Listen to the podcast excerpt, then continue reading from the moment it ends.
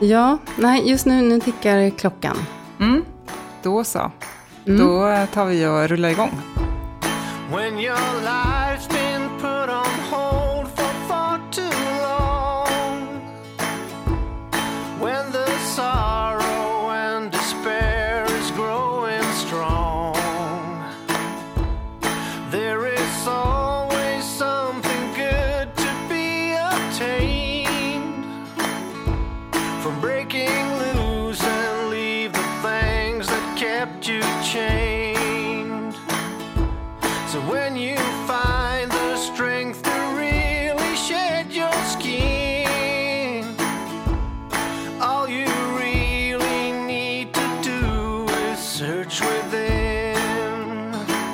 Välkomna till eh, ett nytt avsnitt av Bortom ekorrhjulet. Och idag så är det en, eh, nästan en högtidsdag, för idag så är både du och jag här, Katta, och vi har också vår gäst här i rummet. Och ja. Eh, det var länge sedan det hände senast. Det var länge sedan. Det här ska så, bli jättekul. Ja, det känns väldigt bra. Och det känns också väldigt kul att du är med oss idag. Kalle Nilver. Ja, tack för inbjudan. Ja, Kul att vara här. Nöjet är på vår sida. Um, och Eh, du är ju... Ehm, vi pratade lite om det här innan, att du är liksom ett, ett, eh, vad ska man säga, ett, praktexempel på en, eh, en bra gäst just med tanke på vårt tema. För att du har dels liksom lämnat ekorrhjulet och eh, ska man säga, bytt liksom till ett, eh, ja men lämnat en framgångsrik näringslivskarriär kan man väl säga, för att istället jobba med det som du verkligen brinner för och också göra en, en klimatgärning. Eh, och sen ja, står det ju också för det här med att skala ner och liksom lägga om eh, livet på ett mer hållbart sätt. Så att, eh, det känns jättekul att du är här. Vi mm. har massa saker vi vill prata med dig om. Ja, ja men vad spännande. Ja, men det känns eh, verkligen som en så bra match, men också något som både är så bra för livet och bra för planeten är ju så häftigt att, att, att prata om. Mm. Eh, men ska vi ta och börja med, som vi alltid brukar göra, att du bara berättar lite kort om liksom, vem du är och din bakgrund och sådär. Ja, absolut. Det är ju supersvårt. Eh, Hisspitchen. Ja, exakt. Ja, alltså man kan ju ta två minuters varianten och så kan man ju ta liksom halvtimmes varianten. Men om två minuters varianten så är det nog så väldigt vanlig eller så enkel uppväxt, väldigt så trygg familj och så härlig eh, barndom och uppväxt. Jag har alltid gillat att göra mycket grejer. Det är väl kanske ett tema som är återkommande. Ehm, och eh, började plugga, pluggade liksom dubbelt med ekonomi, civilingenjör började göra väldigt mycket saker vid sidan om, började jobba vid sidan om, började så här, bli ordförande för sektionen, så här, hade otroligt mycket engagemang så här, parallellt och vänner och fester och allting sånt. Eh, det är väl liksom någonting som så här, har jag haft med mig egentligen så här, hela min, min upp, eh, uppväxt kanske och sen så kanske pikade lite där när man pluggade men sen fortsatte även sen när jag började jobba sen också. Jag drog igång två företag samtidigt vid sista året på, på universitetet och Eh, tillsammans med några, några vänner då. Eh, och eh, det är två eh, bolag som ett eh, som heter Booli.se som är en bostadssajt. Eh, som jag tillsammans med några vänner drog igång. Och eh, var med och drev i 12 år. Sista fem åren var jag vd också. Um, och så ett annat bolag som heter Sensbit där jag var lite aktiv i början men sen så mest suttit i styrelsen efteråt. Um, och um, det har väl också varit så här, någonting som jag haft så otroligt stort engagemang i, stort passion, lagt ner jättemycket tid och så här, hela min själ i. Eh, som man måste kanske göra om man vill, liksom, eller kanske inte måste, men som jag i alla fall verkligen eh, har gjort i alla de bolag som jag har dragit igång. Um, och um, ja, mm. någonstans började det skava lite grann eh, det här. Eh, och det var ju i samband tror jag med skaffade en, eh, liksom, en sambo och eh, fick första barnet. Och någonstans där så, eh, så funkade det liksom inte riktigt eh, längre och började fundera och kanske drömma om ett, ett annat liv. Um, och kommer tydligt ihåg, det har varit några grejer som har samspelat lite som har gjort så att jag har tagit det här steget och hoppat av. Då. Och en sån sak var att när vi sålde Booli eh, till SBAB, till banken, eh, för det, tre år sedan nu.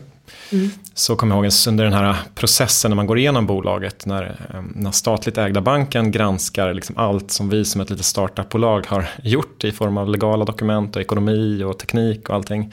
så hade jag fem stycken konsultteam som jobbade mot mig. Jag var vd då, så jag fick ta liksom, alla de här inkommande bollarna. Eh, och så extremt liksom, mycket att hålla reda på, ganska så hög press kände jag då. Eh, fast i efterhand så kanske det kändes... Det så, så att man så... drunknar i ja. admin och, och, i detaljerna. Liksom. Exakt. Mm. Eh, och så kommer jag ihåg att jag på någon eftermiddag så här, klockan fyra stod med min tvååring då i handen utanför grannhuset. Jag hade hämtat honom på förskolan. Och så stod jag och tittade på det här huset och så vänta nu, bor jag i det här huset eller bor jag i nästa hus? Så ja, det är en varnings... Ja, det var verkligen så. så, uh. så, jag har ingen aning. Så jag får väl gå fram och kolla, så här, prova med nyckeln då, så se vad, vad som, vart nyckeln passar. Liksom. och det var på något sätt, sen stod det inte så jättemånga sekunder innan jag fattade, just det, det här är grannhuset, så här, det är andra. Men det var ändå så här, en tydlig upplevelse för mig som fick mig, så här, en av de här triggerpunkterna som fick mig att, så här, nej men det är nog dags att testa, att varva ner lite och testa någonting annat. Och sen någonstans här, här också i, i det här liksom, livet som jag levde här i här, Stockholm mycket. När man jobbar inom, eftersom bank köpte oss, blir det så finansbranschen och teknik, finans i Stockholm med ganska högt tempo, ganska många människor som tjänar mycket pengar eh, och så en livsstil som är väldigt eh, ganska flashig, mycket resande och, och mycket dyra restauranger och sådär. Så mm. någonstans där också började jag läsa på mer om så klimatförändringarna. Och Eh, jag har ju alltid haft något naturintresse i bakgrunden. Men inte på så jättedjup nivå, mer att titta på lite så naturprogram som, som liten. Men ändå mm. legat där, jag älskat fjällen, så jag pratade just innan här om Idre fjäll, så jag har hängt där mycket. Mm. Um, och, och Åre och, och uh, alltid tyckt om både att vandra och åka skidor. Uh, så någonstans här, när man börjar läsa på om vad som händer med vår planet. Vad var det så... som utlöste att du började liksom läsa på? Var ja, det något särskilt uppvaknande sådär eller? Ja, det var det faktiskt. Alltså dels så hade vi varit iväg och surfat i Costa Rica, som det känns som alla gjorde för tre, fyra år sedan. Eh, I min liksom, lilla krets. Den, den missade jag, tyvärr. ja. Eh, så, äh, men då så räknade min sambo då på vårt klimatavtryck efter den resan. Så här, och vi, vi flög dit med vår son och sen så flög vi, vi orkade inte ta en buss liksom, med, med en tvååring då i in, in, in, genom Costa Rica. Så vi flög även så inrikes i Costa Rica, vilket är ja, så sjukt onödigt så här i efterhand. Men eh, det gjorde vi och så räknade vi på det och sen så insåg vi att bara, oj, så här, vi har 13, alltså ett klimatavtryck på 13 ton koldioxid per år, eller vårt förra år var 13 ton. Och det hållbara sättet att leva om vi som mänsklighet ska klara av liksom, klimatförändringarna, det är ett ton liksom, koldioxid per, per mm. år. Så att jag ligger liksom 13 gånger över vad jag borde göra. Eh, och då ansåg jag mig ändå som ganska så medveten och lite så här, handla ekologiskt. Och så, mm. så det blev nästan som en chock för mig. Eh, sen så det var ju så här ena grej, så där så här, trillade det ändå inte riktigt så här känslomässigt ner. Men det blev ändå tydligt så att oj, så här, klimatförändringarna är, vilken sjukt svår utmaning. Ja, för det brukar ju vara två, två spår där, liksom det intellektuella ja. och det känslomässiga. Att, ja, men där började jag nog läsa på mm. lite med rapporter och började sätta mig in i frågan. Sen så det riktigt stora känslomässiga grejen var när vi var, också så här sjukt onödigt, jag skäms nästan när jag säger det, men vi flög ner hela bolaget till Alperna, till Chamonix. Eh, vi gjorde det varje år, som en sån gruppdynamisk mm. övning. Det är inte helt ovanligt. Nej, nej. nej, det är väl kanske inte det, tack. Mm.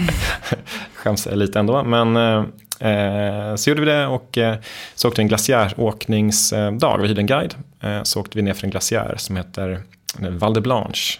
Jättefin så här, heldagsåkning. Man åker högst upp på toppen så åker man runt ett så här, stort berg och, och ner i byn då, eh, slutet av dagen. Så fantastiskt, en naturupplevelse, otroligt vackert. Så efter halva den åkningen eh, så stannade guiden och sa så här, ah, men eh, nu kan vi göra ett val. Antingen så tar vi tåget tillbaks eller så tar vi och åker den sista biten. Den sista biten är inte så kul, då får man gå lite och det kan vara lite blött och sådär. Men om vi tar tåget tillbaks, då måste vi gå upp för berget här. Eh, så såg man en trappa liksom upp för berget.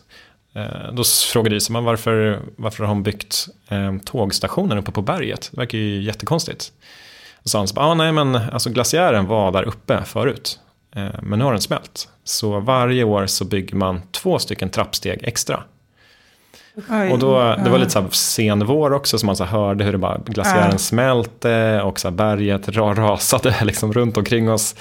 Och, och, då insåg jag, då funderade vi på våran, vårt andra barn också där. Eh, och så insåg jag att mina barn kommer ju inte få åka glaciäråkning. Liksom, de kommer aldrig få uppleva det här.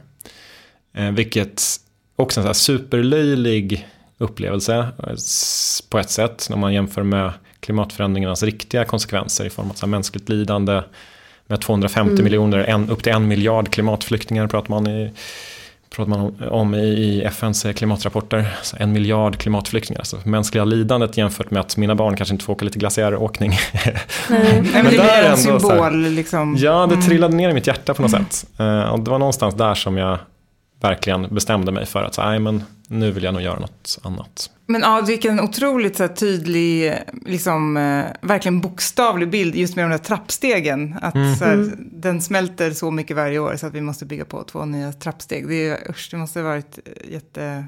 Ja, men det blev, wake up call. Liksom. Ja, men verkligen, det blev så himla tydligt. Så ja. att det är här, det är liksom, klimatförändringen är inget problem om så 50 år eller 100 år, utan det är här och nu som mm. det händer. Mm.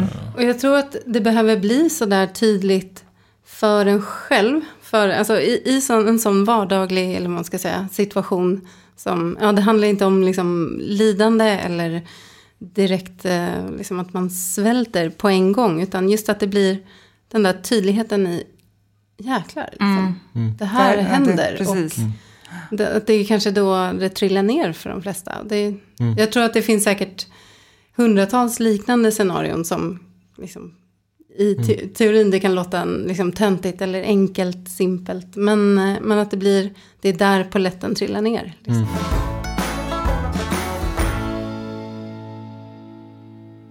Mm. Ska vi gå in lite på då, apropå det, eh, det som du gör nu, som du liksom har gått över till att ägna din mm. vad ska man säga, yrkeskarriär åt?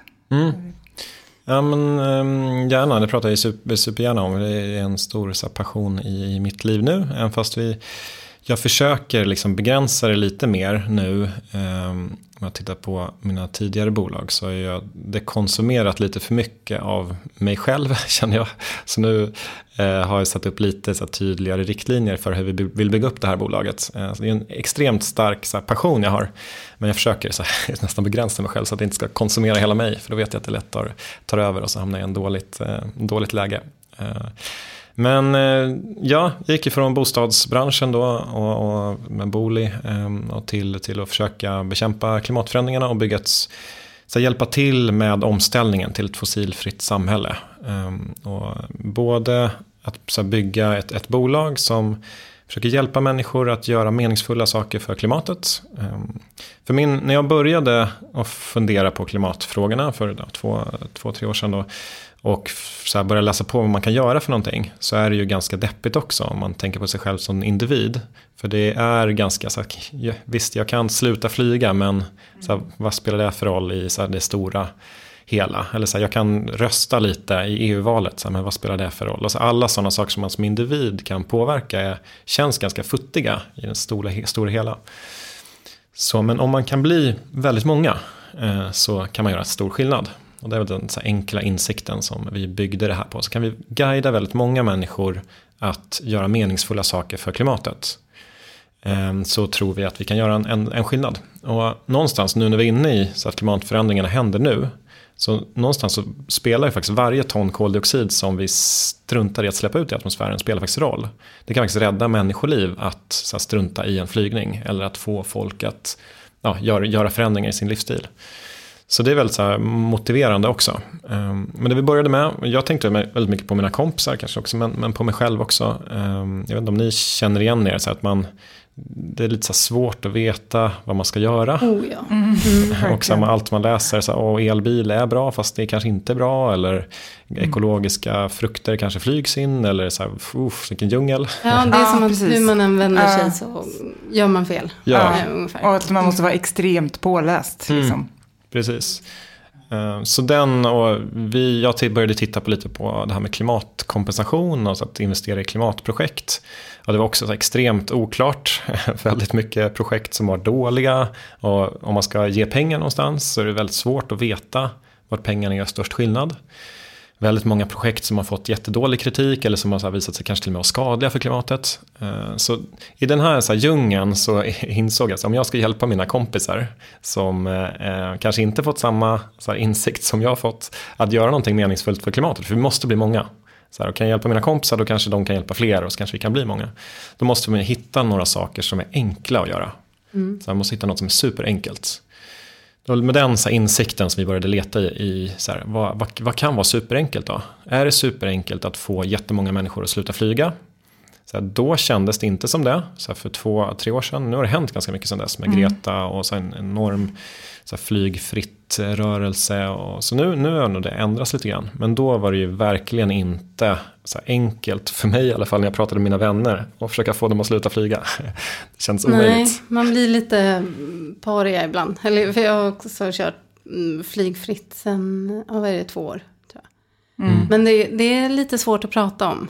Och, och samtidigt, för man vill inte, jag vill inte döma någon som flyger. Nej. Men ändå så prata om hur jag tänker. Mm. Men det jag tycker jag är en svår balansgång. Ja, verkligen. Den är supersvår. Just flygande är ju oftast en del av ens identitet. För mig var det i alla fall. eh, Innan jag slutade flyga. Så, så att resa, det var ju liksom den jag visade upp på Instagram eller Facebook på den tiden. Så, det var liksom en del av min personlighet. var att här, Jag var lite modig och utforskade nya kulturer. Och levde lite här, ett annat liv eh, genom att resa.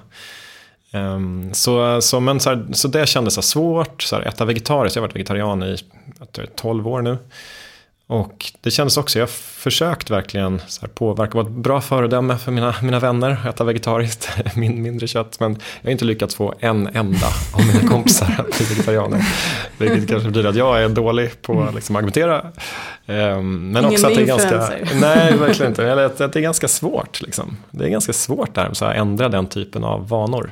Ja, jo det är det. Men det är normer. ändå intressant för båda, alltså bägge de bollarna har ju verkligen börjat rulla nu. Alltså både med liksom vegetarisk mat och eh, flyg, eh, så, ska jag säga, flygskepsis. Eh, så att det har ju ändå på något sätt så har det ju bitit sig fast, även om det tog väldigt, väldigt lång tid. Så känns det ju som att det verkligen har ändrats nu, attityderna. Liksom, och att det eh, ju nästan, alltså känns som att det slår över åt andra hållet ibland också. Att det kommer så här, en miljard nya konstiga liksom, produkter som är så här, "Jaha, men hur hållbara är de här då? Men att de verkligen Ja. så här, lever på den där vågen. Liksom, att, Ja men verkligen, jag, tror- jag tror att vi har kommit ganska långt, i alla fall i vår, det låter som att vi lever i ungefär samma bubbla. ja, ja, men i- precis. Ja, det är väl en bubbla kanske här i storstaden. Nej men att det, det är stort, så jag tror att det, är mång, det, har, det har gått, det har hänt jättemycket de senaste Mm. åren. Liksom. Eh, sen så är det ganska, tror jag, storstadscentrerat eller i alla fall så här ålderskategoriscentrerat eh, kring, kring våran ålder. Om, om jag får gissa att vi är ungefär som, lika gamla. Eh, men ehm, jag tror inte det har, eller det har inte liksom gått lika långt runt om i världen. Eh, Nej, så vår, så här, ins, det vi försökte göra då eh, är kanske inte lika tillämpligt bland så här, av vår, i vår bubbla just nu. Och det vi försökte göra var ju så här, hitta, okej men om det inte slutar flyga, om det inte är äta kött, liksom sluta äta kött, kan vi få dem att, kan vi få människor, mina kompisar att ta ett första steg eh, in i ett mer klimatengagerat liv? Och då, analysen vad vi gjorde, vi gjorde var då att ja, men det går att göra ganska mycket klimatnytta med hjälp av pengar. Så skänker man en hundralapp till ett klimatprojekt så kan man göra ganska mycket klimatnytta. Ehm, och att det är ganska många människor som om man kan övertyga dem om att klimatförändringarna är akut och att 100 kronor kan göra skillnad. Då är det ganska många människor som kan tänka sig att ge en hundralapp. Det är faktiskt inte så stor grej för många i min, min bekantskapskrets då i alla fall.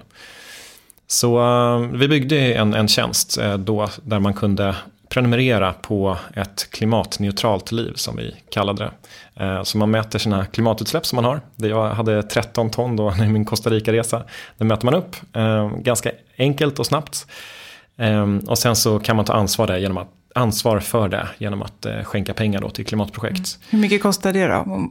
13 tons över, överkonsumtion eller vad man ska säga. Ja, men det är ganska billigt. Och det går att göra ganska mycket klimatnytta för ganska lite pengar eh, fortfarande. Det finns ganska så här, lågt hängande klimatfrukter att plocka. Så det kostar väl, vad kan det vara, just den Costa Rica-resan, om jag skulle levt så så kanske 150-200 kronor i månaden ungefär för att ta ansvar för de utsläppen. Mm. Och det låter ju ändå väldigt billigt. Alltså, om man tänker liksom... Mm. Ja. Du tänker, nu är det bara att köra på. Ja, men men det, det, är lite jag tänker också att... Eh, eller ja, det finns ju en, en sån kritik ganska mycket mot just den här typen av eh, satsningar. Liksom, både alltså, klimatkompensering, men tänker också på flyg... Eh, Alltså att man köper utsläppsrätter och Mm. Sådana saker. Att det är liksom Att man köper sig fri, Ja, att man, liksom. precis, man försöker köpa sig fri. Så kanske man, det går väl ändå inte att köpa sig fri riktigt. För det, det funkar väl inte heller riktigt att man bara kör på som vanligt. Men att man så här, pizzar in liksom. Ja, nej, verkligen inte. Alltså, vi måste ju alla sluta bränna fossila bränslen. Mm. Så det är ju det som är lösningen på något sätt. Så det kan man ju inte göra genom att fortsätta flyga. Um, så i kombination med den här liksom, tjänsten att försöka få folk att ta ett första steg, göra någonting i alla fall. I kombination Mm. med det så jobbar vi jättemycket med kommunikation kring precis det här. Så här, Mm. okej, men det här är inte ett sätt att köpa sig fri, det är ett första steg. Eh, Men du kan också titta vad cool skidåkning man kan åka i Norge, i Hemsedal. Du behöver inte flyga ner till Alperna. Det finns jättebra semester att göra liksom lokalt, tågbaserad semester.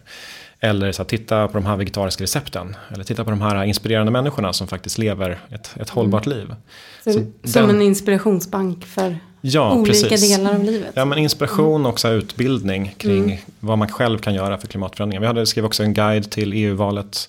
Så här, vilka partier har liksom vilka klimat, eh, klimatförslag. Eh, vi uppmuntrar också alla våra medlemmar att gå ut och demonstrera. För det är också en sån så här, supersak man kan göra som super, ja, har potential att vara jättemeningsfull för, för klimatet. Mm. Eh, Så att liksom vara den här guiden och se liksom det här att först att komma igång som ett enkelt steg. Då, då är man liksom jag vet inte, Ja, och få insikt då. Liksom Mm. att, att se verkligen svart på vitt hur man lever. Det är Precis. ett jätteviktigt första steg kan jag tänka mig. Ja, precis. Ja, just det där att man mäter sina utsläpp är ju verkligen eh, ögonöppnande för många. Eh, Så Mm. det är ju en, en bra, bra första grej att göra. Men jag tror det är på många områden i livet nu så är vi ju översköljda med val. Och valmöjligheter. Och det finns jättemycket information och kunskap. Mm. Så just den där, eh, att vara liksom den här eh, redaktören och hjälpa, Ja. eh, vägleda, rådge. Eh, det är ju så otroligt värt, tycker jag, på alla områden. Vad det än gäller, liksom, att, att någon kan så här, filtrera åt mig. Mm, exakt. Eh, Så det tror jag verkligen är en nyckel till. Ja, men våran, eh, en så här led, eh, ledande princip som vi försöker jobba med är att man behöver inte vara expert för att göra någonting eh, för klimatförändringarna. Man behöver inte ägna sig liksom timmar varje kväll och läsa artiklar och försöka fatta vilken frukt som flygs in från andra länder och vilken som inte gör det. Utan det går faktiskt att göra någonting utan att vara expert och utan att vara superengagerad. Mm. Jag tror att man måste göra det så pass enkelt om vi ska klara det här. Mm. Ja, för det är det, man måste ju få med alla på tåget. Man kan Mm. ju inte bara ta den här lilla, kanske så här välutbildade eliten som Nej, är exakt. jättepålästa och som Mm. sitter i liksom sina så här, akademiska kretsar och, eh, och för liksom, eh, resonemang om liksom, både så här, vad som ligger bakom och hur man, alltså det, det, man tappar väldigt många på vägen. Och också eh, Ja, men, för det låter ju som att ni jobbar väldigt mycket med liksom, positiva budskap ändå. Mm. Och mer så här, morot än, än Ja, piska och, och skam och skuldbeläggande. Och det tror jag också Mm. är en nyckel till framgång. Ja, alltså vi Ja. brottas lite med det där. För å ena sidan vill vi säga liksom att yes we can, så här, vi kan klara det här. Och så här, bra jobbat, du har levt klimatneutralt i en månad. Vi får ju jättemycket kritik för det och lite så baserat på det vi var inne på lite tidigare med att för vi måste ju också säga samtidigt att det räcker ju inte. Nej. Liksom att så här, så här, vi, vi, får nästan, ja, vi får kritik för att vi är, Vi för för, positiva, Mm. lite för snälla. Eh, Så det är en jättefin balansgång det där med att både säga liksom bra jobbat och gjort någonting men samtidigt säga då att liksom lite piska och så här, fast du kan inte fortsätta göra de här grejerna, X, Y, Z. Mm. Och eftersom man måste ner till ett ton så är det så himla hårt också. Alltså det är så här, du kan Mm. typ inte göra någonting. det är jätte, jättesvårt att leva ett liksom hållbart liv. I Sverige går det ju inte. Så även Nej. jag som är, vi sålde ju bilen, eh, vi, jag konsumerar ju nästan ingenting som inte är second hand. Så jag flyger inte, jag har blivit så här 95% vegan, så vi ska ha solceller till huset. Så jag hoppat av med mitt jobb och ägnar mig helt till åt klimatförändringarna. Ändå så här, jag kan ju inte, jag lever kanske på tre ton, eh, har tre tons koldioxidavtryck nu.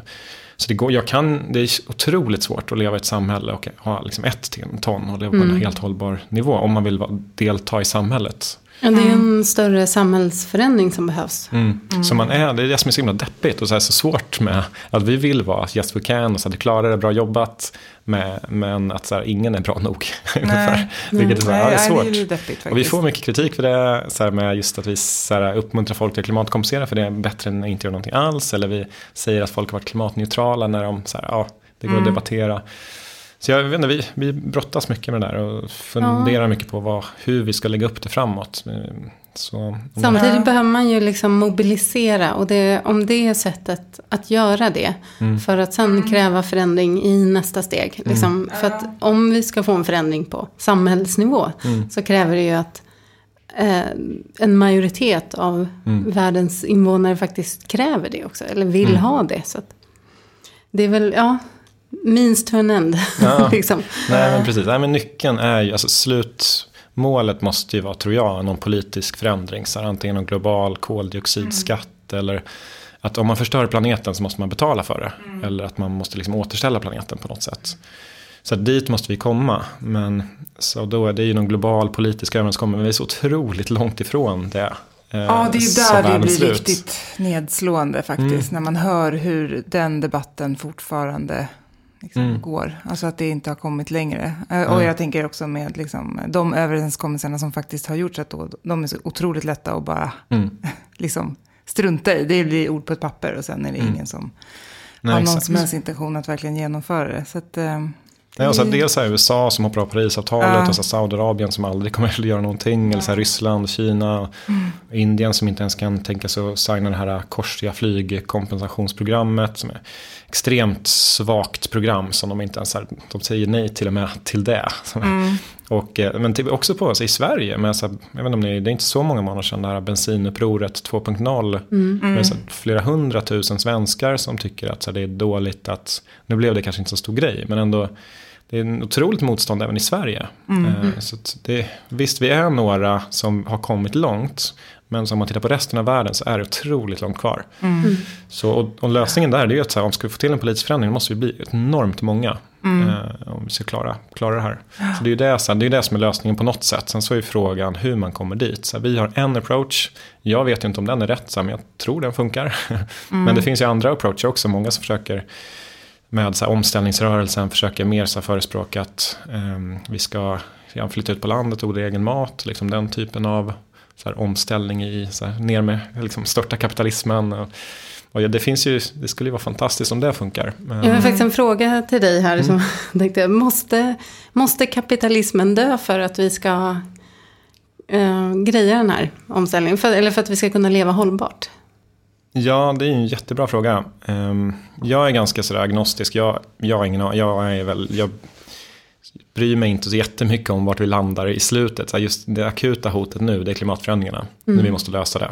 Sen så finns det jättemånga problem i världen i form av så här, inkomstklyftor och nackdelar med kapitalismen som vi måste lösa också. Men jag tänker mig att det är nästa steg. Kan vi lösa dem i en smäll så är det såklart bra.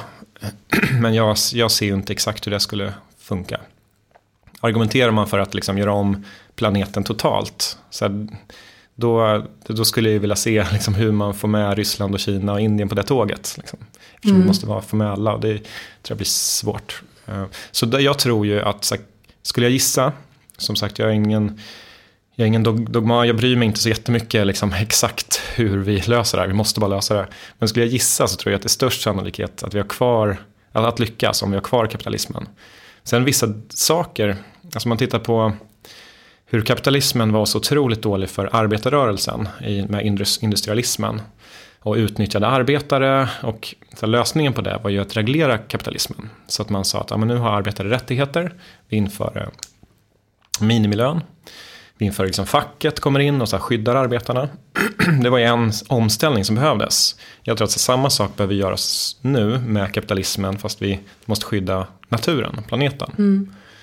Så om vi lyckas med det, det tror jag är kanske den liksom, dess vägen framåt som är störst sannolikhet att lyckas. Om jag skulle gissa i alla fall. Det lönar sig att vara hållbar. Exakt. Det ska inte löna sig att konsumera jättemycket fast fashion. Liksom. Det, det, kan, det får, vi måste reglera kapitalismen på det sättet så att det inte är lönsamt. Eller så, man kan inte köpa en klänning från Kina för 30 kronor. Så det, det måste vi fixa. Liksom. vägen framåt som är mest sannolik att lyckas tror jag är den. Alltså vi reglerar kapitalismen mer. Mm. Eh, Men eh, ja, alltså jag skulle bli jätteglad om vi så här, kunde hitta något system som är bortom kapitalismen som är ännu bättre. För kapitalismen har ju så otroligt så här, tydliga eh, nedsidor. Inte minst det vi pratar om i, i, som ni har pratat så mycket om i den här podden. Så här, med hur vi som vanliga människor så dras in i ekorrhjulet och utnyttjas av kapitalismen. Som, och sen spottas ut när vi är 65. Ja, så att, som små vissna Ja. kärnor. Mm. men ja, vi försöker jobba lite med i Go Climate Neutral då med att bygga ett bolag som är Ja, för det är så hållbart. det heter. Vi ska nämna det. Ja, Ja. precis. Vi har ju fortfarande inte... Ditt bolag. Ja, exakt. Go climate neutral, precis. Go klimatneutral. Liksom. Um, Ja, nej, men eh, vi försöker ju hitta ett sätt som att bygga ett bolag i kapitalismen, liksom, eller i vårt samhällsstruktur, eh, som är hållbart också. Vi gör det på lite, lite olika sätt, bland annat har vi 30 timmars veckor eh, nu så att man inte ska behöva jobba ihjäl sig. Så vi vill inte vara en del av den eh, samhällsstrukturen. Med liksom längre semestrar, man får ta tjänstledigt när man vill. Vi försöker verkligen reglera liksom vår arbetsbörda så att det inte ska bli så att man tar med sig jobbet hem. Eh, En anledning till det är ju dels för att vi tror att det är så vi vill leva i samhället så framöver. Jag hoppas att mina barn kommer få, få jobb på sådana bolag.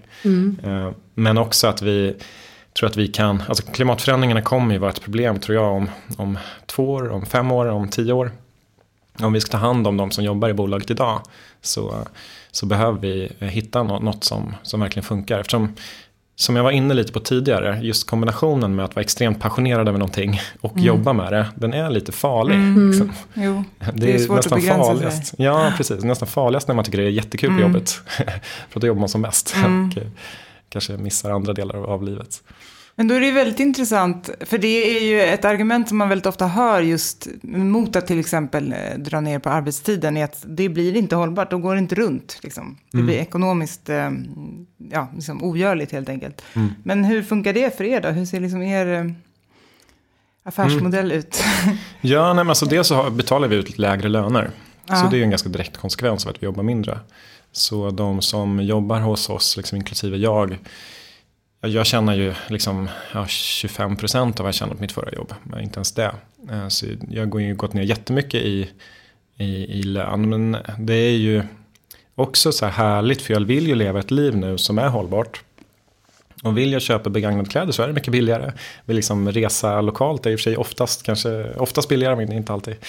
Men så här, jag har ingen bil, så här, jag lever ganska billigt så för mig är inte det några problem. Jag tror att de som, så här, vill man jobba i ett sånt här bolag nu eh, så, så är det nog tyvärr den, eller egentligen vill man att man ska få mer betalt när man vill rädda världen. men, men, men just nu så är det nog tyvärr den så här, kompromissen man får göra då.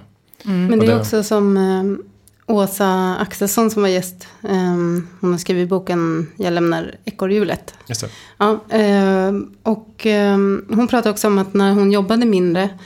Då blev livet billigare för att hon har tid att Mm. förbereda sig mer. Så fort hon gick upp i arbetstid igen så blev allting dyrare. För hon köpte lunch och hon Precis.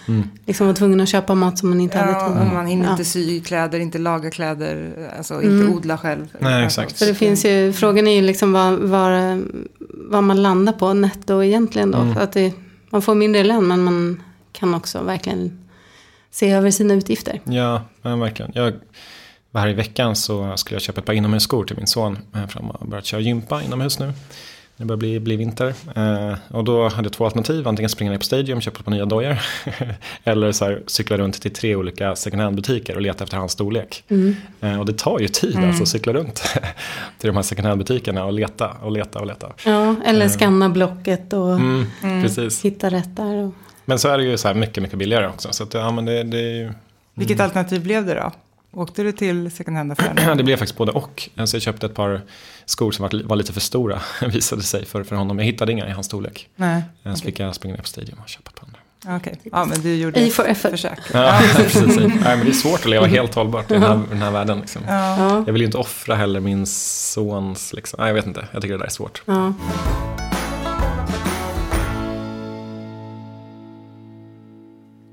Jag har en fråga apropå det här med mm, hur vi ska förändras och motivera oss där. I, I Go Climate Neutral har ni Jobbar ni med beteendevetare eller hur? Liksom? Mm. Mm. Nej, men dels så har vi pluggat en del beteendevetenskap.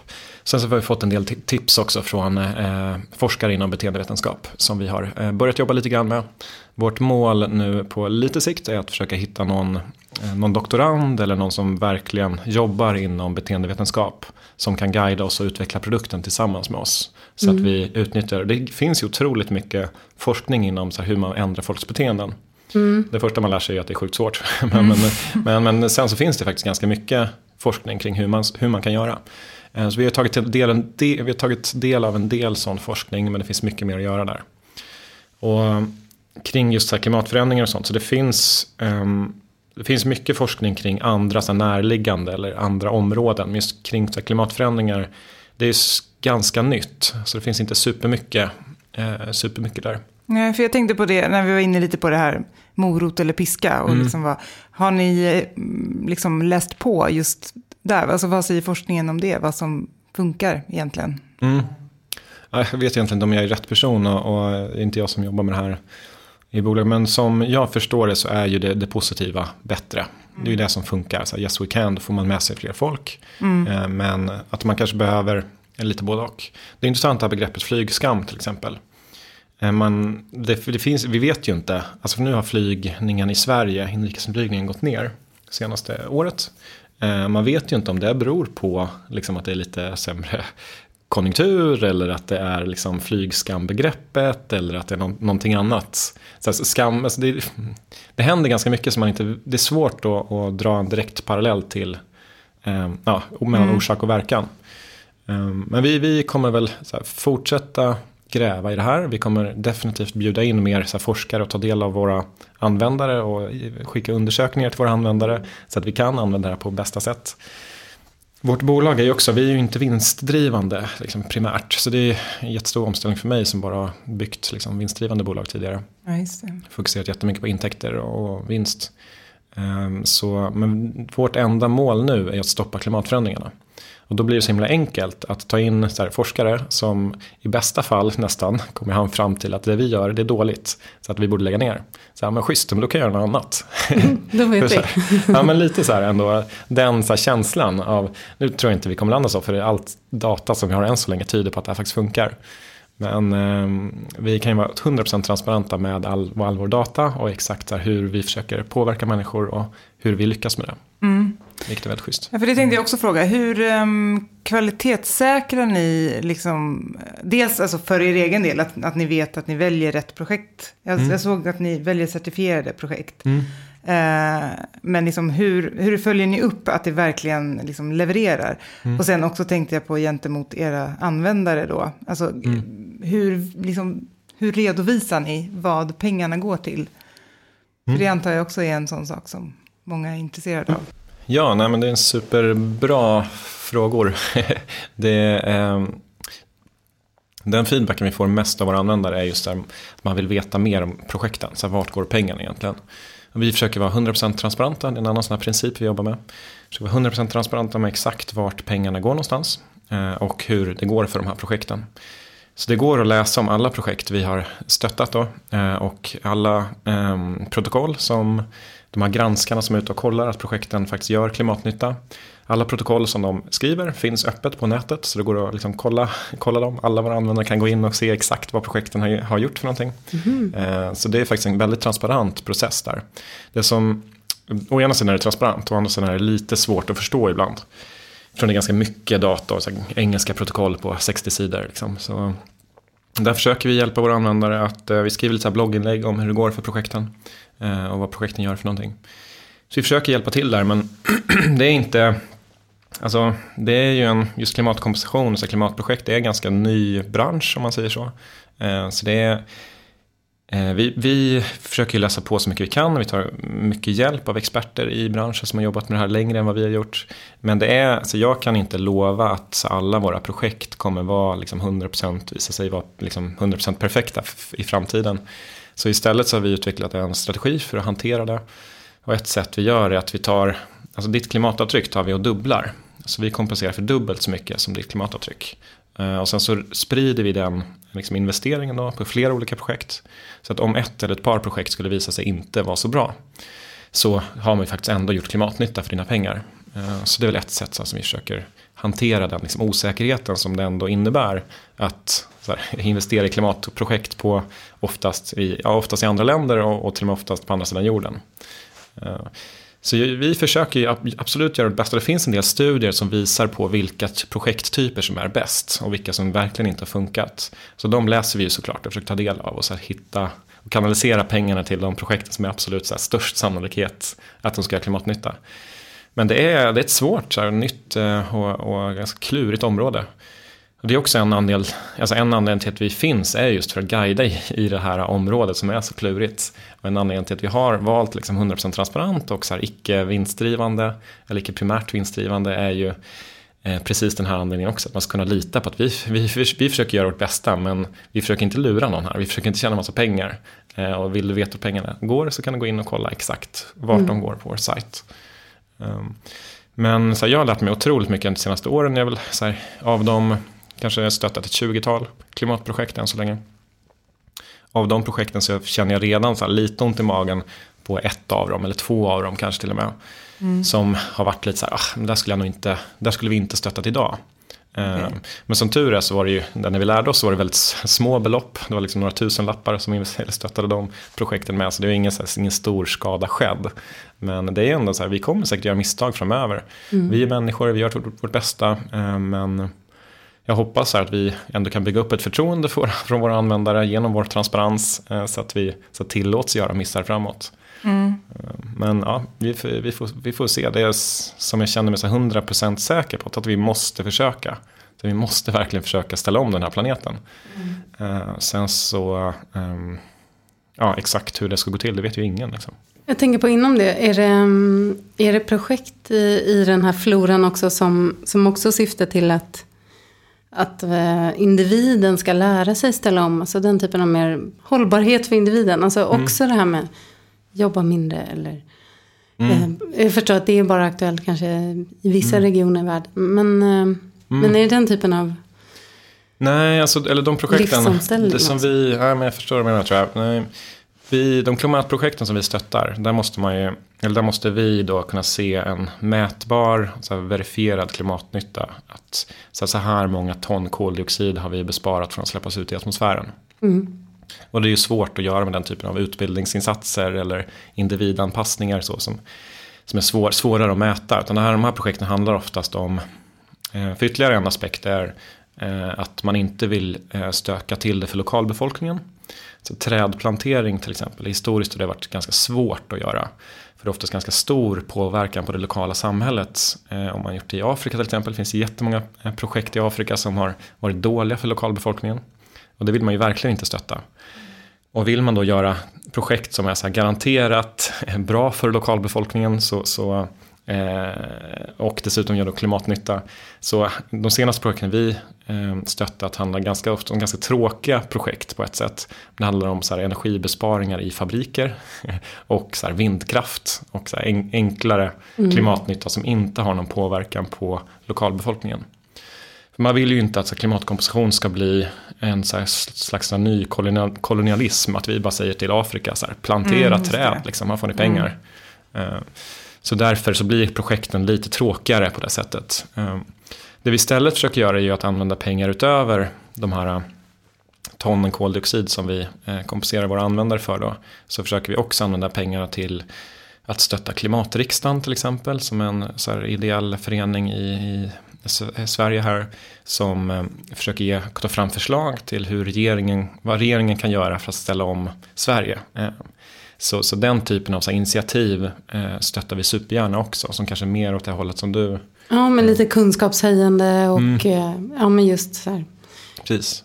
Sen hur så, ställer man om? Liksom. Mm. Ja, exakt. Sen så eh, har vi ju en, en sån här influencer eh, anställd, eller som vi betalar för att skriva om klimatet. Hon är, hon är fantastisk. Hon eh, körde ett experiment här nu. Hon hade samma klänning i 30 dagar i sträck.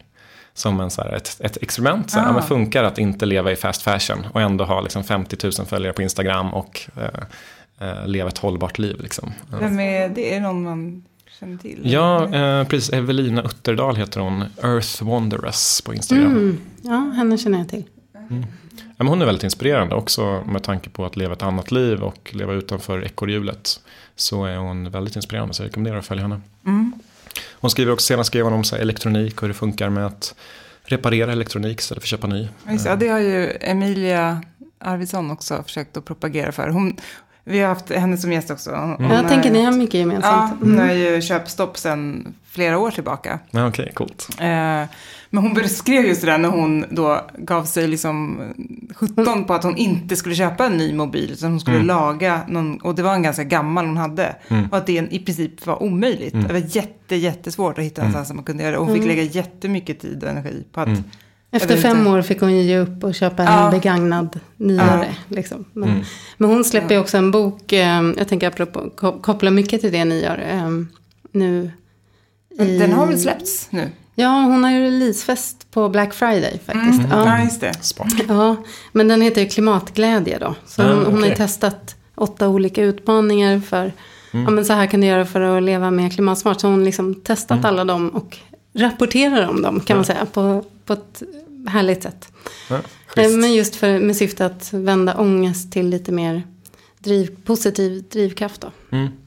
Och visa att det kan vara ganska härligt och eh, livskvalitetshöjande Mm. att ställa om.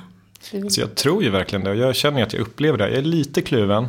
Så här, för på ena sidan så gillar jag fortfarande, någon del av mig gillar fortfarande så här, varma länder och surf på andra sidan jorden. Liksom. Mm. Och eh, så här, att faktiskt bara strunta i att åka runt och bara köpa någon, något nytt klädesplagg. Liksom. Ehm, Det är någonting, så jag, tror inte på att så här, förneka att det finns. Att Nej. det är schysst. Liksom. Men absolut, det finns jättemycket som är härligt med att eh, leva ett hållbart liv också. Eh, Så det finns ju supermycket bra semestrar lokalt och det finns ju en glädje, jag kan känna en glädje i att inte ha så mycket kläder nu till exempel. Så det är en ganska skö- skön frihetskänsla. Så jag har inte så mycket grejer. Så vi bor ganska litet och så vi, det är ganska, ganska skönt. En, ja, men lite så här, man har ingen ryggsäck liksom med grejer och eh, ta hand om. Eh, Nej, precis. Så den minimalismen liksom på Ja, något sätt. att det, det äter energi också. Ja. Att ha en massa prylar. Och att slippa välja så mycket är ju också otroligt skönt, Mm. tycker jag. Verkligen. Eh, dels att om, man inte har så mycket kläder, då har man inte så mycket att välja bland på, på den nivån. Men sen också det här med, alltså som också Emilia beskrev, att man, man går in i ett köpcentrum och så vet man att så här, jag ska inte gå in i någon butik. Mm. Det finns liksom inte, för jag ska inte Exakt. köpa någonting. Och det är också väldigt skönt att bara, det, det är liksom bara, Mm. ja, man tar bort fokus från det och lägger det på något annat istället. Mm. Mm. Ja, verkligen, det är fantastiskt. Nackdelen är att man, eller i alla fall min garderob ser ut som en seriemördares garderob. Med bara så exakt likadana saker. Så väldigt få grejer. Men, Ja. men jag håller verkligen med. Och det, och det ska man ju lyfta. Och det är superhärligt att det är folk som, är, som lyfter sånt. Jag eh, vill ju verkligen uppmuntra det också. Eh, att det är härligt att jobba mindre, att köpa mindre grejer och leva liksom enkelt. Eh, det är ju fantastiskt. Ja, men lite som du säger, att det är klart att all, alltså, om, om det funkade, att man bara kunde köra på och fortsätta eh, liksom, flyga eh, så här, tvärs över hela jordklotet eh, tre gånger om året och ha surfsemestrar. Och liksom, det är klart att det är jättehärligt och det, det vill väl alla kunna fortsätta med egentligen. Men det är väl att man måste lyfta liksom, Mm. vad får man istället och vad blir konsekvenserna? Om Mm. vi, alltså, det går ju liksom inte. Vi Och kan kanske inte, inse att det inte är en mänsklig rättighet att, att göra det också. Nej, precis. Alltså, men, men det finns väldigt härliga alternativ Mm. ändå. Alltså man, man kan ju leva ett fullt liv utan att åka till Thailand tre gånger per år. Mm. Ja, verkligen. Men eh, jag har en fråga. Så här eh, några år in i ditt projekt då, som ju ändå liksom startade på grund av klimatångest. Har din ångest eh, minskat? Ja, det har den verkligen gjort. Eh, nej, men jag gick igenom en tydlig ångestfas. Eh, sen en ganska så snabb övergång till någon slags sorgfas. Liksom över att så här, vad håller vi på med? Och mina barn, så här, vilken planet kommer jag lämna över till dem? Och liksom mer liksom lugn men en sorg. Eh, men nu känner jag faktiskt senaste månaderna, det har väl med att det är ju inte så länge sedan. Det är ju ja, en och en halv månad sedan, sedan jag började jobba heltid med Go Climate Neutral. Men känner mer och mer hopp. Men jag tycker att det händer mer och mer saker också. Som, som känns eh, väldigt positiva. Så nu går jag till jobbet och är väldigt glad. Det känns väldigt här, meningsfullt. Och, men jag tror också, för mig funkar det väldigt bra att här, när jag har någon ångest faktiskt att agera. Och inte bara stanna i den känslan utan göra någonting. Mm. Eh, Så det är väl lite så här KBT liksom för mig det här. Att faktiskt jobba med det jag tycker är jobbigast eh, på ett sätt. Ja, kanalisera ut ångesten till något positivt. Mm, exakt, så att nu, för att svara på din fråga så, så är jag ju verkligen så här glad nu. Eh, jag tycker det är mycket som ser bra ut. Eh, även fast alla hårda siffror så att säga ser dåligt ut.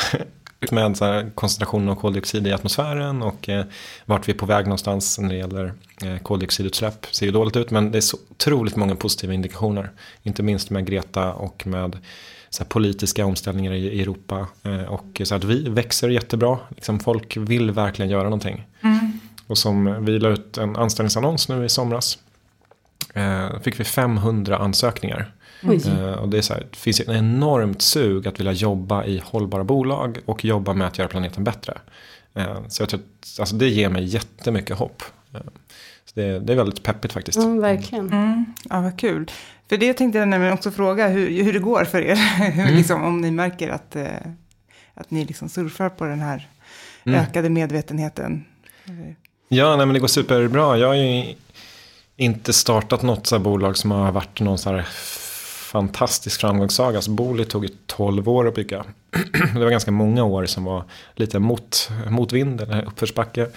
Eh, Vi startade, det var ju rätt korkat så här i efterhand också. Vi startade en bostadssajt som inte hade eh, tillåtelse att lägga ut bilder. Vilket så här, en bostadssajt utan bilder. Det är Det här, lite utmanande. lite hål, hål i huvudet så här, i efterhand. Men eftersom mäklarna ägde då bilderna och mäklarna ägde vår konkurrent och Hemnet. Ja. Mm. eh, Så ville de inte ge oss access till bilderna. Vilket är så här, ja, vi byggde en bostadssajt utan, utan bilder. Så det var en enorm mot, eh, ja, ett motlut. Eh, Och nu känner jag precis tvärtom. Det är ett enormt med, medvind. Det går väldigt bra, vi får jättemycket folk som hör av sig. Vi hade nu en, en, eh, en, precis en, en vd för ett bolag som omsätter över en miljard. Eh, som eh, vill komma och praoa för oss, så gratis. Eh, som bara så vill hjälpa till liksom, och vara med. Eh, så det är jättemycket sån så positiv energi kring det vi gör. Eh, Sen så har vi en jättestor utmaning att, att kommunicera vad vi gör, kommunicera att vi är seriösa på liksom en sajt på internet. Här, om folk landar på en sajt så, ja, man vet ju själv, så här, man är ju s- spontant skeptisk till, det- till, det- till det mesta och kanske, man ska kanske vara det. Eh, Så att nå ut i bruset är ju en jätteutmaning såklart för oss. Ja. Eh, riktar ni er främst till företag? Eller är det liksom... Ja, det är väl ungefär både och. Eh, eh, privatpersoner är den största delen av, liksom om man tittar på den totala klimatnyttan vi gör, så är privatpersoner står, privatpersoner står för kanske 75% av, av, eh, av den. Eh, och 25% av företag. Vi vet inte exakt vad som kommer bli vår största grej framåt. Jag känner att vi fortfarande håller på att lära oss det lite grann. Eh, Vi hade, jag tror att det var 20 nya företagskunder förra veckan. Så det är ganska bra fart liksom, på företag. Eh, Det var ju lite speciella omständigheter. Men, men det, det, företag kan ju göra väldigt mycket. Så man kan ju få väldigt mycket impact av ett företag. En av våra största kunder har ju så här 1300 anställda. Och har gått in och så vill göra alla sina anställda klimatneutrala. Det är klart, det blir så här en ganska, ganska mycket impact med, med en, en kund så att säga. Eh, Så vi får se lite vil- vilken som kommer bli vårt största liksom, segment framöver. Det är, klart, båda har ju, alltså det har ju synergieffekter. Så det är många, alltså privatpersoner jobbar företag och företag har massa privatpersoner. Så att de kommer nog säkert fortsätta stärka varandra, de, de benen. Ja, men det låter ju otroligt ändå hoppingivande att, eh, att det går så bra och att det liksom... eh, Mm. Ja, men och att du ser positivt på framtiden också. Ja, nej men, ja, ja, alltså just, så en dålig dag, hade du fångat mig en dålig dag så hade jag säkert kunnat sitta och vara lite mer deppig. Men det släpps ju mycket rapporter som är deppiga. Liksom. Det är ett, verkligen ett eh, super, ett enormt samhällsomvälvande problem. Och eh, när så stor del av världens befolkning inte har fattat än. Eh, och inte beredda att ge upp liksom, det de har. Nej, precis. Det är det som är, eh, alltså just det här med att det är så många, så stora delar av världen där, där de har börjat sin tillväxtkurva. Liksom. Eh, och, ja, det känns ju lite så här tungt att tänka på. Mm. De vill ju såklart inte skippa alla de här Nej, stegen som vi redan har fått liksom, exakt. gå igenom, eller vad man ska säga. Det som är lite hoppingivande där tycker jag att det var inte så länge sedan jag surfade i Costa Rica och så här, in, ganska bekymmerslöst konsumerade ganska mycket. så det är så tre år sedan. Liksom. Så det kan gå ganska fort. Eh, och man får ju ha lite så här tålamod också med alla som inte har kommit kanske lika långt som, som det låter som att vi har gjort i det här rummet. Så det finns ganska, eh, ganska många som inte har börjat resan än. Eh, då måste man ge dem tid också, försöka hjälpa dem. Liksom, kanske inte vara fördömande. Eh, där. Mm, verkligen. Mm. Jag tänker på, möter ni, du säger att ni har medvind och det är liksom väldigt positivt. Men mm. eh, dels i, i Sverige men också ute i världen, möter ni motstånd någonstans? Och hur ser det ut i så fall? Mm. Eh, det gör vi absolut. Alltså dels så, på, så här, vi gör lite Facebook-reklam. Eh, en gång så var vi, eh, ja, vi, hade inte, vi visste, inte, visste inte bättre så vi gjorde lite Facebook-reklam i Kanada. Eh, och det visade sig att kanadensiska män är väldigt eh, aggressiva och verbala på, på internet. så vi fick då, det är det värsta vi varit med om. Eh, det är män liksom, till 98 procent eh, som var väldigt ja, hårda. Alltså i Sverige kan vi vara, vi möter ju klimatförnekare i Sverige, absolut. Som är liksom skeptiska till oss, men de är oftast liksom ganska lätta att avfärda. Men där i Kanada så var det väldigt hårt. Mm. Och väldigt mycket mer så här hot. Och liksom, ja Apropå beteendevetenskap så vore det så mm. himla intressant att liksom gräva i. Vad, mm. Om jag tänker de som, men nu när Greta har varit i USA. Mm. Och det är liksom dödshot och det, det var ju någon hängd Greta-docka i mm. någon, ja, liksom att det blir så kraftfullt och starkt. Och liksom, vad är det för mekanismer som, mm. är det så hotfullt mot existensen? Ja. Eller det är liksom... Ja men han som Greta hade mordhotat Greta sa väl att nej men jag vill faktiskt fortsätta kunna flyga. Det var hans liksom, mm. försvar på något sätt, vilket är helt eh, barockt. Och det vi, eh, nej men det, det vi, alltså konsekvenserna av det hatet vi har mött på, på Facebook har ju varit att vi har ju till stor del slutat annonsera mot målgruppen män. Mm. Eh, för då, då slipper vi väldigt mycket av av hatet liksom och det är det jobbiga som tar väldigt mycket energi och så här rensa bort kommentarer. Eh, så det är ju superdeppigt. Jag tänker liksom. så här, hur ska ni kommunicera till de här då? För, att, ja. för det är ju ja, de precis. kanske man behöver ja, nå. Ja, exakt. Ja. Nej, men då får man ju prata mer, så här, jag tror förnyelsebar energi, teknik, eh, så här, kärnkraft kanske, liksom. det verkar ju funka. Eh, men det är ju inte det som vi pratar mest liksom, om än så länge. Men jag tror att det finns en väg framåt där. Det är inte så, det är bara att vi inte har tagit det steget än. Nej. Det finns supercoola fjärrkontroller till solpanelerna. ja men exakt, något sånt. Ja, det, är, det är deppigt men det är kanske dit man måste gå.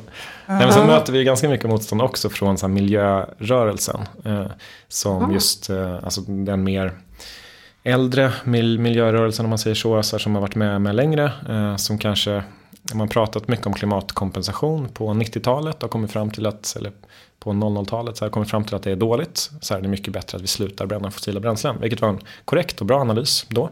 Eh, men nu är vi i ett litet annat läge när det är lite mer bråttom och vi verkligen måste ställa om alla.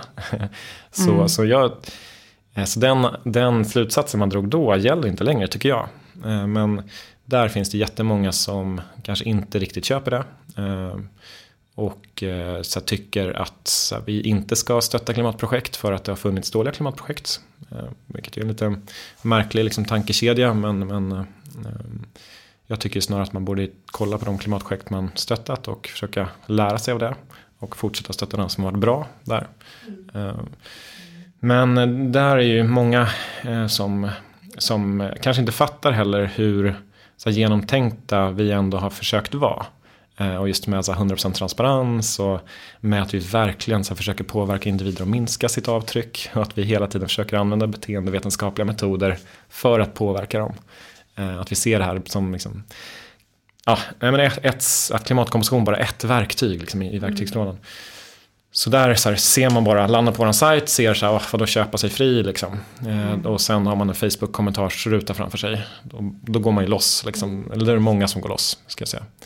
Ehm, så där möter vi mycket motstånd också. Men oftast så, så här, efter några kommentarer fram och tillbaks eller om jag, jag har tagit mig tid och lunchat med ganska många som är skeptiska. Så, så efter några minuter bara så brukar det vara så här, okej ni tänker så, okej, ja, men då, då fattar jag. Ehm, men, men det är väl just den här kombinationen återigen, så här, vi vill förmedla något positivt. Så här, ja, du kan vara med, det här går, du klarar det, grattis, bra jobbat. Liksom. Ehm, det är i kombination med att så här, ingen av oss är någonsin bra nog. på, på något sätt som är så här, Ja, när precis. Det, Den, Bygga upp och bryta ner i en, i en bra balans. ja, precis. Mm. Så, ja, precis. Det är som du säger, det är ju en jäkligt svår balansgång alltså. Mm, morot, piska. Mm. Men eh, det sagt, alltså, man kan ju prata om, om eh, hat och sådär. Men eh, vi får ju jättemycket positiv pepp också. Så det är ju absolut överväldigande positiva reaktioner och hejarop. Och som sagt, jag tror att det är alltså, över hundra personer som har hört av sig sedan i somras som vill hjälpa till på något sätt. Och så här, vill, ja, sen kan inte vi träffas? Oh, jag har en idé, jag skulle gärna vilja hjälpa till på något sätt. Så, här. så det är ju superhärligt. Det känns hoppfullt. Det är många som vill och det är många som har blivit mer medvetna om att vi behöver göra någonting. Och framförallt kanske bland unga. Och det är Mm. väl det som är mest hoppingivande. Att det är de som verkar fatta. Greta och hennes liksom, Mm. Mm. anhängare.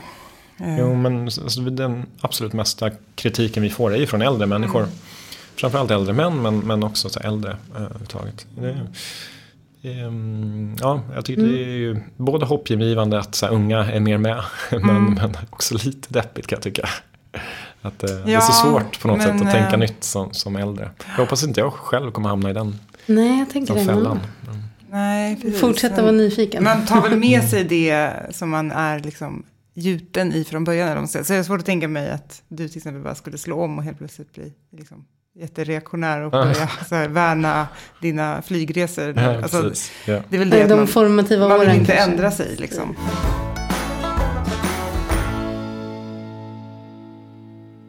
Vi brukar ju ofta be våra gäster skicka med om det, t- sina tre bästa tips. Eller, men eh, jag tänkte att det skulle vara intressant att fråga dig då. Jag förstår att det är också en jättesvår fråga att svara på. Men eh, om man börjar på noll. Vad är det viktigaste att ta tag i då för att minska sitt klimatavtryck? Om man tänker nu att man lever i Sverige och ett hyfsat normalt liv eller vad man ska säga. Ja, alltså det vanligaste i Sverige om man pratar om just klimatavtryck det är ju flygresor. Eh, det är ju den största så här, privata, eh, alltså för individer så är det oftast den största eh, utsläppsfaktorn man, man har. Eh, Alltså det är ju flygresor, bil och mat som är de absolut liksom, de, de största oftast. Men det sagt, jag tycker inte man ska fokusera för mycket på individen heller eh, och just på ens egna avtryck. Men Man vill ju också se, och det vi försöker jobba med är just hitta andra meningsfulla saker man kan göra för klimatet också. Som att rösta eller att starta en klimatgrupp på jobbet. Liksom att byta ut, jag vet inte, kanske elavtalet på jobbet. Det kan göra en jättestor skillnad om man har en stor kontorslokal. Eh, eller att starta, liksom påverka jobbet så att man har en konferensresa i, inom Sverige istället för att flyga utomlands. Det kan också vara mycket större här, klimatpåverkan än att bara fokusera på ens egna klimatavtryck. Ehm, så det finns jättemycket sådana saker man kan göra också om man är lite så kreativ. Som kan... Så börja engagera sig. Ja, liksom läsa på och engagera sig är ju eh, absolut en, en förutsättning eh, för att liksom komma vidare lite grann. Ehm, och sen så börja, börja prata med folk. Eh, det är oftast där, där det händer i samtalen. Där är jag nyfiken, för att det är ju lätt att man blir den här som eh, till slut inte blir bjuden. Eh, nej, men liksom hur... Man börjar missionera. Liksom. Ja, Mm. och att det blir kanske för, antingen för deppigt eller för, för mycket så här, "Åh, det här var inte så kul att prata om nu, kan vi, kan vi inte prata om Mm. resor istället? Ja. Nej men eh, hur, hur eh, har du liksom hittat något sätt att, att prata om det och eh, utan att liksom andra stänger av? Eh, Så jag önskar jag hade nå- något bra tips. eh, nej, jag kan inte säga det. Eh, som sagt, jag har varit vegetarian i 12 år så har inte lyckats påverka någon än. Om- några har testat lite. Men ehm, Det kanske ändå är ett, ett eh, vad ska man säga, bra socialt betyg till dig. Du kanske inte håller på och missionerar och så här försöker prångla på. nej, nej, exakt. Nej, det är precis. Jag värderar ju mina relationer liksom, till mina kompisar väldigt högt. Liksom, Ja. Så jag vill inte påverka dem för mycket. Och, nej, jag, jag vet inte. Å andra sidan så vill jag ju inte. Det här är ett så otroligt viktigt problem. Så jag vill ju inte heller så här, inför mina barn säga att så här, jag, jag försökte inte ens prata med mina kompisar för att det blir lite jobbigt socialt. Så att, men jag är, jag är kluven där. Jag, jag tycker det är supersvårt. Verkligen. Men det kanske är bättre då att, att göra saker eh, som till en början är liksom valfria att lyssna på. Att eh, liksom fler och fler kanske ansluter om man bara fortsätter göra sin grej. Ja, exakt. Ja, men det finns ju mycket man kan Man kan bjuda på vegetarisk mat. Så man kan ehm, föreslå en semester tillsammans med kompisfamiljen i Sverige. Liksom. Det finns ju såklart jättemycket så positiva saker, enkla saker man kan göra för att bara inspirera också. Det har ju vi försökt göra. Liksom. Absolut.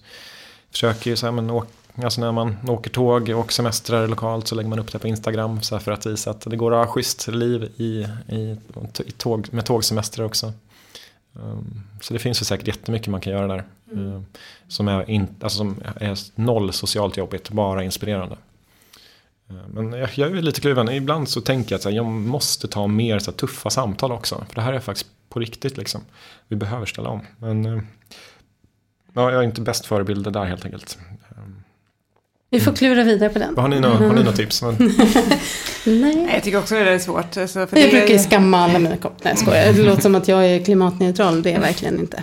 Men nej, nej, men det är ju som du säger, det är ju svårt. För det är också, det är ju väldigt lätt att, eh, alltså är man inte liksom mottaglig och inte eh, liksom, inställd på den frekvensen och eh, någon börjar liksom Mm. gå på väldigt mycket av någonting, då, då stänger man ju av helt enkelt. Mm. Så kanske man väljer att prata mer med någon annan. Eller liksom. mm. Men jag tror Så som det- du att inspirera genom, alltså visa det man gör och vad, vad det kan innebära. Praktisera istället för att missionera. Kanske. Ja, men det är så här, lead by example. Det är väl en Mm, klassisk, precis. eh, den Ja. ledarskapsstilen som faktiskt funkar. Så här, visa praktiskt vad, eh, hur, hur, vad man ska göra. Mm.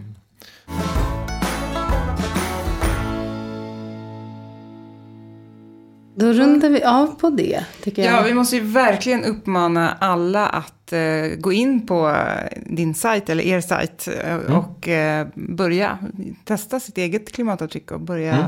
helt enkelt gå in där och kompensera som ett första steg som du sa. Ja, Inte exakt. köpa sig fria, men Nej, nej men det, det är ju viktigt. Nej, men eh, Spanien in, men det är ju goclimateneutral.org. Eh, som menar, eh, kolla in, man får jättegärna höra av sig till, till mig också på kalle.goclimateneutral.org om man har idéer eller feedback eller har någon, någon tanke på vad vi kan göra bättre. Så eh, hör av er, annars är det ju som sagt superlätt och ett bra, tycker jag, meningsfullt första steg om man vill börja komma igång med sitt klimatengagemang och signa upp. Tusen tack för att du tog dig tid att vara med. Och Ja, men tack för eh, komma. upplysa oss lite mer. Nej, jag hoppas jag inte har ja, varit för... peppa oss också. Ja, nej men jag tycker att, det, jag tycker att det, det, det, vi rundar av på en liksom hoppfull Ja, ton. ja, precis. Jag känner mig hoppfull. Alltså jag har Ja. haft en klimatföreläsning en gång som blev så sjukt deppig. När jag pratade om senaste IPCC-rapporten, det blev så här helt tyst i Ja. rummet. Så bara fortsatte jag och så här kände att det här är Folk inget började bra. snyfta ja, men lite i så. bänkraderna. så att jag är glad att ni uppfattar det så i alla fall. Att det Ja. är lite peppigt. Ja, men jag känner mig peppig också. Så att jag... Ja, keep up the good work, helt Mm. enkelt. Och i vanlig ordning så säger vi tack och hej. Vi hörs om två veckor. Och Johanna, vi ska tacka någon mer. Tack Sven Karlsson och tack Epidemic Sound för musiken. Och Mm. eh, gå gärna in på eh, Facebook och eh, Instagram och följ oss där. Och om ni inte har gått med i vår grupp så får ni jättegärna göra det också. Bortom ekorrhjulet närvar hur. Där händer det mycket kul. Ja, mycket inspiration där. Mm. Kan man säga. Särskilt på sistone har det varit jättemycket Ja, inte härliga. tack vare oss så mycket, inlägg. men det är jättehärligt. Ja, Bra, vi säger så. hej då! Hej då!